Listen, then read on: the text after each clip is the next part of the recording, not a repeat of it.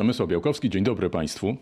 Choć dostarczają nam pożywienia, cieszą oko, oczyszczają powietrze i jeszcze całe mnóstwo innych zalet roślin, to mają też swoją ciemną stronę, mogą być trujące. I właśnie o tym dziś porozmawiamy. Razem ze mną dr Paweł Jedynak z Wydziału Biochemii, Biofizyki i Biotechnologii Uniwersytetu Jagiellońskiego, popularyzator nauki. Dzień dobry Paweł, witaj. Dzień dobry wszystkim. E, bardzo mi miło, dziękuję za zaproszenie. To ja dziękuję, że przyjąłeś to zaproszenie. E, Paweł, ty zajmujesz się na co dzień e, roślinami. Porozmawiamy o roślinach trujących. Jestem przekonany, że przeciętnie, jeśli rzucilibyśmy hasło trująca roślina, to będzie muchomor, ewentualnie barszcz sosnowskiego, ale zakładam, że ten arsenał jest znacznie większy. Zacznijmy od tego naszego polskiego poletka. Jak wiele mamy trujących roślin, roślin, które mogą być niebezpieczne i właśnie jak niebezpieczne dla człowieka? Jest to dużo, ale jeszcze na początek uściślimy, że e, o ile dawniej wrzucano do worka z roślinami także grzyby, także sinice, to teraz e, wszystko, to zresztą widać doskonale też w nazwie naszego wydziału, tak? Ona jest taka strasznie długa, dlatego że naukowcy lubią sobie jednak wszystko ładnie poukładać. Czyli ładnie mykolodzy gdzie indziej. Dlatego i mykolodzy mają troszkę inne. Oczywiście to ma takie swoje zaszłości, to nie zmienia faktu, że e, grzyby są mega, mega ciekawe. I, i, gdzieś tam jest to takie splecenie, e, że jak ktoś się zajmuje fizjologią roślin, to w naturalny sposób zbatamy trochę w stronę grzybów e, i, i, się tym trochę też zajmujemy. I tym się zajmuje grybów też. Biotechnologia bardzo łatwo i bardzo dobrze. My na co dzień również czasami przedziwne sposoby, ale e, zasadniczo powinniśmy podkreślić, że jednak grzyby to tak troszeczkę są osobno tak? Rośliny osobno i tych roślin trujących e, powiem Ci, że nie wiem dokładnie ile mamy, bo nie jestem botanikiem. Nie, to też jest taka e, e inna sprawa, że ja bardziej w kierunku biochemii, w kierunku właśnie e, wizjologii roślin idę, e, jeśli chodzi o zakres mojej wiedzy. Natomiast jest tych roślin całkiem sporo. E, nie tak dużo, jakby się mogło wydawać w stosunku do wszystkich roślin. Jednak większość roślin, które spotykamy sobie tak wyglądając za okno, e, no jednak e, mocno trujących przynajmniej dla nas nie jest. Natomiast też kwestia e, jest tutaj oczywiście znowu dawki, no bo gdybyśmy się tak najedli dużo jakichś liści, to od razu by się nam mogło zrobić niedobrze, bo na przykład zawierają garbniki. garbniki no, zakładam, nie że jeśli chodzi o dawkę, to nawet jakbyśmy się najedli mocno czegoś, co nie jest trujące, to mielibyśmy y, kłopot. Ale zastanawiam się nad tym, wychodzimy na taki przeciętny polski no, trawnik, no może trochę bardziej, park, idziemy do przeciętnego polskiego e, parku, no to czy tam są takie e, gatunki roślin, e, od których powinniśmy się trzymać z daleka? Wiesz co, na pewno możemy w parku spotkać bluszcz pospolity, którego już dwa liście, gdybyśmy je zjedli albo podali komuś niecnie do herbaty, mogą wywołać silne wymioty, złe samopoczucie, więc jest to roślina zdecydowanie trująca. I nie jest jedyna. Możemy też rozejrzeć się wokół, spojrzeć na drzewa i kasztanowiec zwyczajny okazuje się być również rośliną trującym i powiem Ci, że zdarzają się przypadki za to, być udokumentowane, małych dzieci, które, które wychodzą sobie na spacer e, i e, zaciekawione biorą takie kasztano, owoce kasztanowca do ręki i je zjadają, ale zdziwiłbyś się, bo tak, ten kasztanek taki, który się e, na zapałki nabija i robi z niego ludziki, no jest za twardy trochę, żeby go zjeść. Zjadają łup łupiny. Pomyślałbyś kiedyś, że małe dzieci są w stanie wpaść na taki pomysł, żeby łupiny zjadać, no i zatru, zatrucie murowane. Jeszcze małe dziecko to oczywiście dużo mniej tej trucizny trzeba, żeby się takie e, dziecko pochorowało. No i od razu znowu wymioty, gorączka i szpital. Ale na przykład żołędzie, jak już jesteśmy w temacie takich e, e, kasztanowych ludzików i żołędziowych ludzików, również są trochę trujące. Trochę na takiej zasadzie, że właśnie zawierają dużo garbników. Garbniki garbują nam dosłownie ścianę jelit, niszczą białka, e, upośledzają wchłanianie bardzo wielu substancji, więc na dłuższą metę no, wywołują dużo nieciekawych efektów. Więc popatrzcie, niby masz takie rośliny, które dobrze znasz, ale są jeszcze jedne takie ciekawe rodzaje roślin, na przykład jak żywokost. Żywokost od e, stuleci jest stosowany w ziołolecznictwie. Natomiast w, pod koniec lat 70. okazało się, że zawiera jedno, dwie, dwie na, na pewno co najmniej dwie substancje, które produkuje, działają rakotwórczo. Więc popatrzcie, jeszcze taki masz przemyślny system szkodzenia, gdzie e, możesz sobie teoretycznie zaparzyć e, napar taki z takiego żywokostu.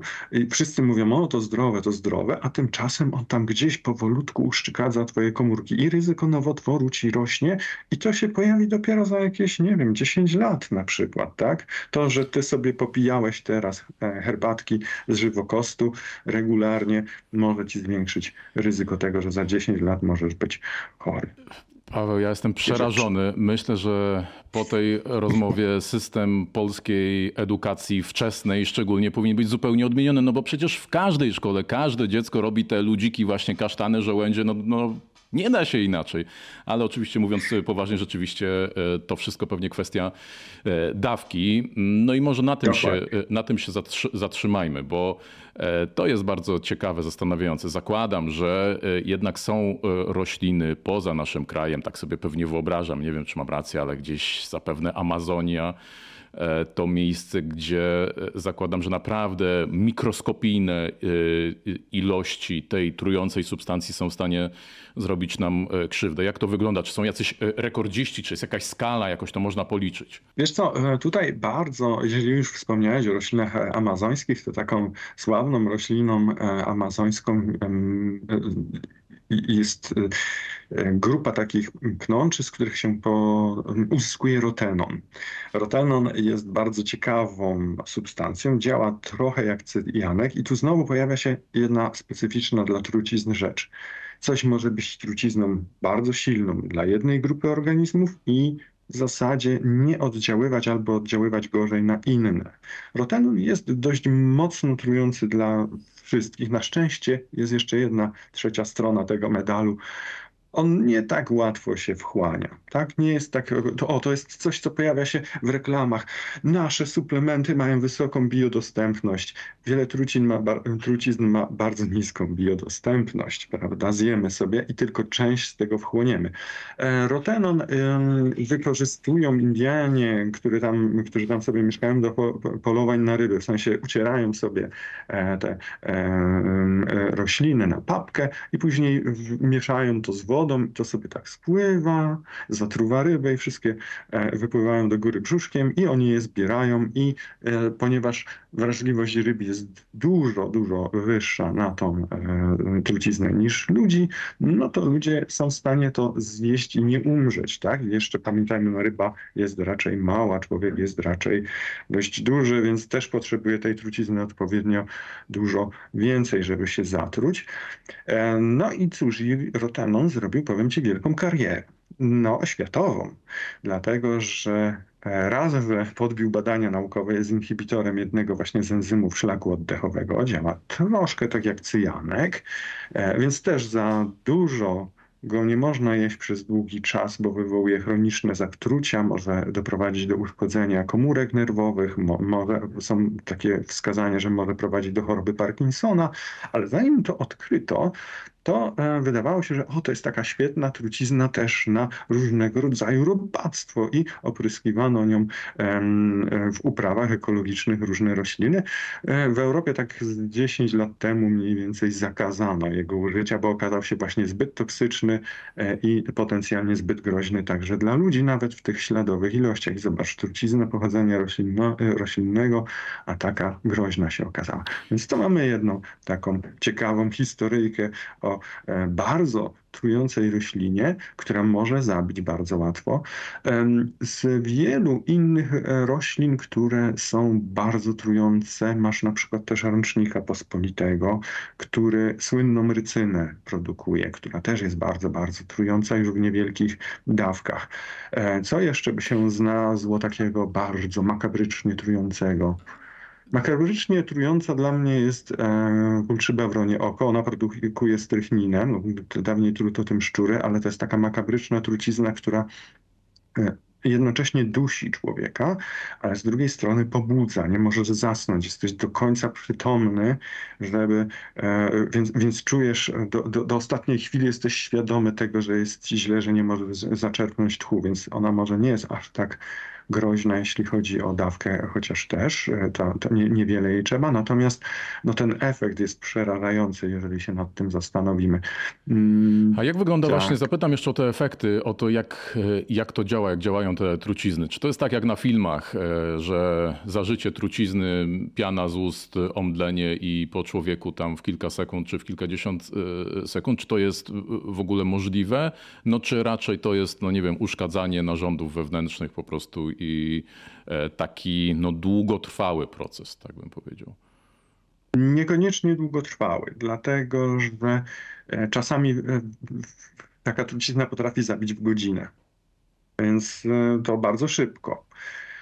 E, I są w Polsce takie rośliny, które, które są w stanie tak szybko również zabijać. E, wiele trucizn może też działać natychmiastowo na takiej zasadzie, że wywołuje jakieś oparzenie i wywołuje jakieś podrażnienie, więc też masz efekt no niemalże natychmiastowy na takiej zasadzie, że wystarczy, że coś będzie wtarte i już zaczyna swędzić, już zaczyna się coś dziać niefajnego i już e, jest ta dawka na tyle wysoka, że może się coś E, może to już wymagać interwencji lekarza. To tak chyba z e, barszczem Sosnowskiego, no nie trzeba go zjeść, właśnie on działa zewnętrznie na skórę, prawda?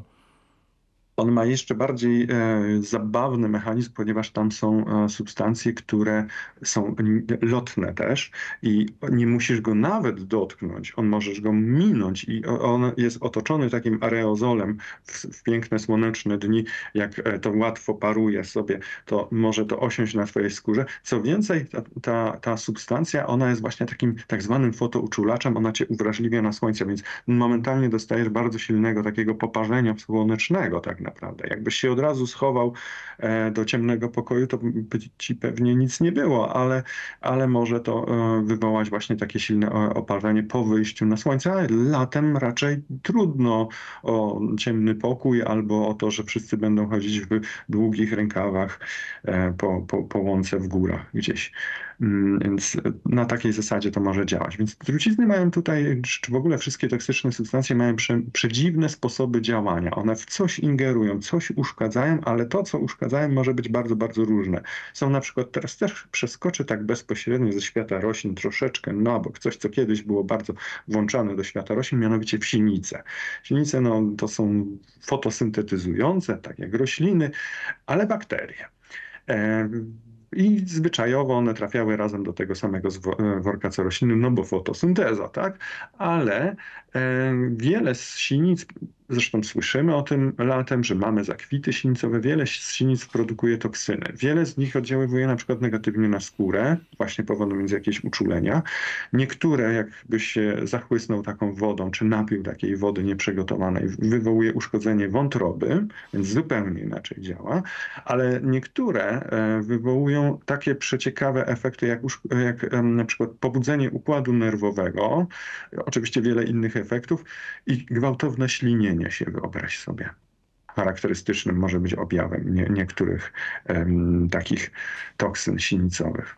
Więc też tak bardzo dziwnie można by powiedzieć, wow. Czy te, te, e, od razu dwie rzeczy. Od razu e, pytanie e, pierwsze to właściwie po co roślinom toksyny i pytanie drugie, bo też mnie to trochę zaczęło zastanawiać, czy człowiek używał świadomie, no właśnie jako trucizny, takiej trucizny roślinnej, naturalnej, jak to w ogóle brzmi, prawda? Naturalne, coś co jest naturalne nam się wydaje, że jest zawsze dobre dla nas, no ale jednak to naturalna trucizna, to o czym rozmawiamy. E, no tak, już wspominałem zresztą wcześniej o tych e, mieszkańcach Ameryki Południowej, którzy w ten sposób na ryby polują. Można było e, spokojnie zatruwać tym, tym, tymi roślinami strzały i strzelać do zwierząt. Nie, nie tylko te żaby trujące, tak, nie, o których się tak słyszy i które tak mogą utkwić w pamięci, ale również rozmaite trucizny roślinne. Części z trucizn trzeba się jednak pozbyć i tu bardzo pomaga albo płukanie, albo gotowanie. To też wiele ludów na całym świecie nauczyło się korzystać z roślin, które bronią się przed jedzeniem, bo to jest podstawowa funkcja trucizn. Obrona przed tym, żeby tej rośliny nikt nie zjadł. E, ona e, wkłada dużo swojej pracy, dużo swojego wysiłku w to, żeby wyprodukować na przykład wielką bulwę pełną skrobi. I teraz chce tą bulwę dla siebie zachować, a nie żeby przyszło jakieś zwierzątko i ją zjadło, więc dodaje tam truciznę, inwestuje w to, żeby to było albo niesmaczne potwornie, albo, albo właśnie e, toksyczne i e, zauważ, wcale te trucizny, tak pytałeś o to, ach, jaka by była taka super potężna e, trucizna. Niekoniecznie się opłaca roślinie mieć zabójczą truciznę. Opłaca się jej mieć truciznę taką, że e, to zwierzę się pochoruje, że, że, że będzie wymiotować, że będzie mieć biegunki, ale niekoniecznie musi umrzeć, bo ono wtedy dostanie nauczkę więcej tego nie próbować. Co więcej, na przykład e, szczury jako zwierzęta społeczne, one się dzielą informacjami o tym, co jest dobre, a co jest niedobre, na takiej zasadzie, że jeżeli jest chory szczur i on pachnie tym jedzeniem, które zjadł przed chwileczką, to wszystkie inne go obwąchają i stwierdzą, aha, pachniesz takim czymś dziwnym, to my tego już nie będziemy jedli tak? E, bo, bo, bo ty jesteś chory i śmierdzisz tym czymś dziwnym. No i tak to może zadziałać. A, a trucizny e, zawsze muszą o... być, e, nie wiem, gorzkie, niedobre, niesmaczne, czy, czy, czy niekoniecznie? Nie zawsze, nie zawsze tak jest. Większość trucizn, tak naprawdę takimi bardzo gorzkimi truciznami to są przeważnie alkaloidy. Mm, takie, gru, takie trucizny, które zawierają w sobie e, atomy azotu. Wiele z nich jest gorzkich, wiele z nich się też słabo rozpuszcza w wodzie. E, I wiele z nich to właśnie takie potężne trucizny działające na układ nerwowy w wielu przypadkach. Chodzi nie tylko oczywiście. Natomiast bardzo wiele trucizn niekoniecznie musi być od razu gorzka, e, natomiast może, może współwystępować z czymś właśnie gorzkim, jak chociażby garbnikami, które rośliny mają w dużych ilościach, e, łatwo się je produkuje, są tańsze w produkcji niż jakieś dziwne związki azotowe na przykład, więc rzeczywiście alkaloidy tutaj e, wiodą prym, jeśli chodzi o taką niesmaczność. A czy ostre papryczki Natomiast... E, możemy zaliczyć jako rośliny trujące, to jest trucizna. Jest nawet taka specjalna skala, zdaje się, Scoville'a, jeśli dobrze pamiętam i no zakładam, że zjedzenie takiej e, papryczki, która ma 2 miliony w tej skali, no to jednak może być nieszczególnie przyjemne e, uczucie. Oczywiście różną ludzie mają tolerancję na to, no ale jednak, czy coś, co teraz trochę tak stało się, no nie wiem, elementem może nawet popkultury, no, czy części naszej kuchni, skala ostrości, ale czy to też jest coś podobnego jak E, właśnie trucizna? E, w zasadzie, tak jak zaczęliśmy naszą trochę rozmowę od tego, że e, dawka tak naprawdę czyni truciznę, to tak, możemy uznać, że kapsaicyna ma takie efekty, ponieważ ma, um, może niszczyć um, komórki nerwowe pobudzając je. Tam te komórki, które odpowiada, ona pobudza komórki receptorów termicznych i pobudza e, e, zakończenia nerwowe komórek bólowych, nocyceptorów. E, jeśli przeładowane będą po prostu te komórki sygnałami, bo będzie tej kapsaicyny dużo, to może to doprowadzić do sytuacji, w której no, te komórki będą zbyt zmęczone, one umrą. Niestety tak to może, może się skończyć. I są warianty czegoś, co działa jak kapsaicyna, w tej chwili nie powiem ci z głowy e, jaka to roślina, ale czytałem z, e, z tego czasu, która działa wielokrotnie mocniej. I właśnie z, znajduje, to też druga część e, twoje, twojej odpowiedzi, one, one niszczą komórki nerwowe tak silnie działają, że no nie, nie ma sensu używać ich jako mm, potrawy, dodatku do potrawy czy czegoś w tym rodzaju. E, natomiast, e, bo ze względu na to, że od razu przeładowują te komórki nerwowe, od razu je niszczą. Natomiast dzieje się coś takiego, że można pomyśleć, aha, czy ja mogę to do czegoś wykorzystać? Tak, mogę i mogę to wykorzystać do E, czegoś e, w rodzaju terapii, wyobraź sobie. Są ludzie, którzy cierpią na jakieś dziwne, chroniczne bóle i e, wynika to z tego, że na przykład mają organizm sam jakoś sam z siebie potrafi pobudzać te komórki, te, te zakończenia nerwowe związane z bólem, powodujące ból, powodujące wrażenie bólu. I teraz zastosowanie miejscowe takiej trucizny może je zniszczyć a zatem zniszczyć e, ten sygnał e, informujący, że tu mnie boli, prawda? Jak ktoś ma też na przykład jakoś e, przy uszkodzeniach tkanek, przy źle zrośniętych złamaniach też się zdarzają, że jakieś gdzieś te nerwy jak regenerują, to one gdzieś mogą wrosnąć nie tak jak powinny być. To wszystko można zniszczyć za pomocą takiej trucizny. Inny ciekawy przykład jeszcze takiego zastosowania to na przykład wspomaganie palaczy za pomocą trucizny ze złotokapu. E, złotokap to taka też ładna roślina, którą możemy spotkać w parkach. Złotokap, jak sama nazwa wskazuje, takie ma złote, e, złote grona kwiatów, e, mniej więcej tak gdzieś w czerwcu kwitnie. I można z niej, jest oczywiście trująca, jeść jej nie należy, herbatka z niej byłaby bardzo groźna dla zdrowia i życia, ponieważ to też jest trucizna, która oddziałuje na układ nerwowy, ale ta substancja odpowiednio oczyszczona, z niej cytyzyna e, i zapakowana do, tableczek, do tableteczek e, hamuje głód nikotynowy. Właśnie dlatego, że nikotyna też oddziaływuje ci na układ nerwowy, też wywołuje jakieś tam pobudzenie, też wywołuje jakieś efekty odstawienia, a teraz możesz tą trucizną zwalczyć tamtą truciznę. No dobrze, no to do, doszliśmy też do y, dobrych właściwości, mm, ale jeszcze pytanie od drugiej strony, bo jeśli mówimy o truciznach odzwierzęcych, to bardzo często mówi się, nie wiem, choćby o ukąszeniach węży, że jest antidotum. Czy jest też jakieś antidotum uniwersalne, albo może właśnie dobrane pod jakieś konkretne, najczęstszą e, przyczynę taką roślinną e, zatruć? Jak to wygląda? E, no jednego antidotum nie będziesz mieć, dlatego że masz bardzo wiele gatunków roślin, które wytwarzają bardzo różnorodne trucizny, które działają na bardzo różne rzeczy w twoim organizmie, tak? One coś psują, ale każda trucizna może psuć coś innego. Jak mówiliśmy o garbnikach, że one tam niszczą białka, że utrudniają wchłanianie substancji pokarmowych, to to jest zupełnie coś innego niż jak mówimy o e, nikotynie, która e, coś e, działa gdzieś w mózgu albo e, jak mówimy o, o tym rotenonie, który gdzieś wnika do komórek i hamuje procesy oddychania komórkowego na przykład. Tak? Także tutaj ma masę różnych e, poziomów. E, uniwersalnym mechanizmem obronnym naszego organizmu jest to, że jak zjemy mm, coś trującego, to natychmiast pierwszą reakcją jest to, że mamy wymioty.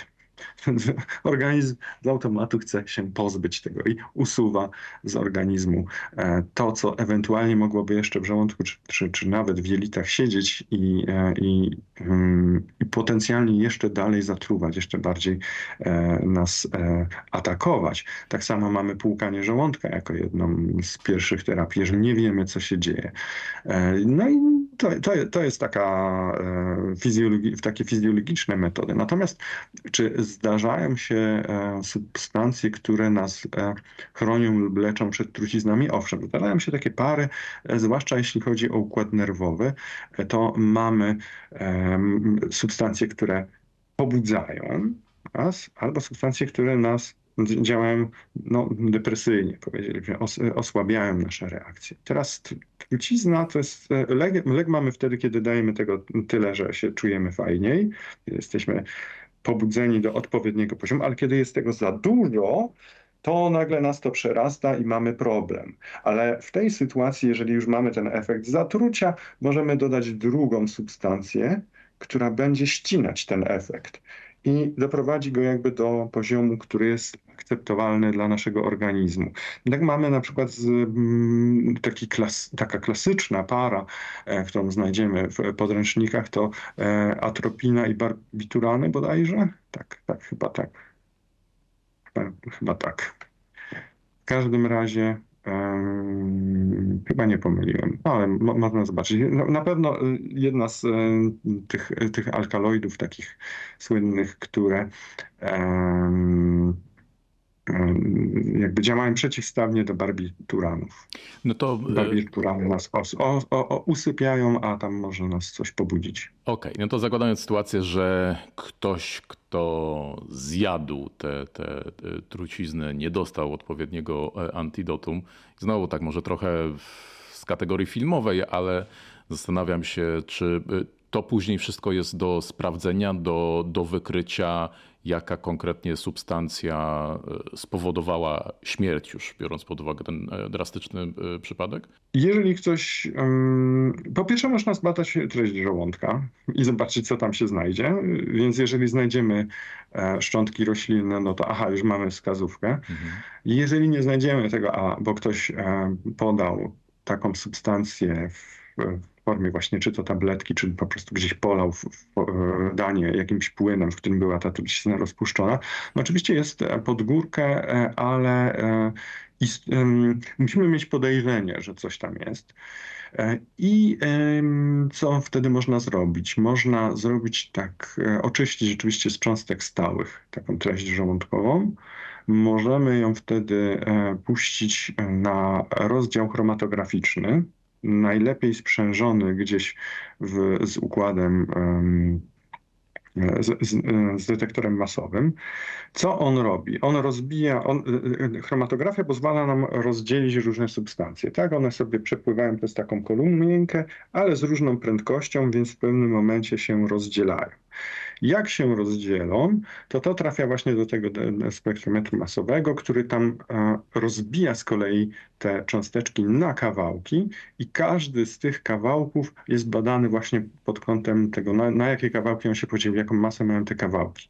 I tutaj pojawia się rola biblioteki, gdzie już masa, masa, masa tych związków jest już e, zbadana pod tym kątem, jak, na, na, ile kawałków one się rozpadają, jakie masy mają te kawałki i porównujemy sobie ten odcisk palca, który mm, żeśmy uzyskali z bazą danych, e, która nam podpowiada, aha, ten układ wygląda tak jak ten układ, to prawdopodobnie mamy tą substancję i to jest trucizna. I teraz się zastanawiamy, aha, ale ta trucizna to ona miała tam prawo być, czy ona tam nie miała prawa być. Bo jeżeli ona tam nie miała tam prawa być, to sugerujemy, że aha, to mamy intencjonalne otrucie kogoś, a nie, że ktoś po prostu poszedł na grzyby i sobie nazbierał właśnie nie tych, co trzeba, prawda?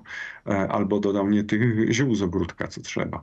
Więc na tej zasadzie możemy sobie to, e, ty, tych substancji szukać. W podobny sposób też metodami chromatograficznymi sprawdzana jest woda, którą pijemy. Jeżeli mamy oczyszczalnię wody, stacji uzdatniania wody, to mm, też mm, wszyscy się obawiają, że albo będzie terrorysta i czegoś doda, albo będzie e, nam zagrażał właśnie zakwit glonów lub sinic, które wyprodukują coś toksycznego.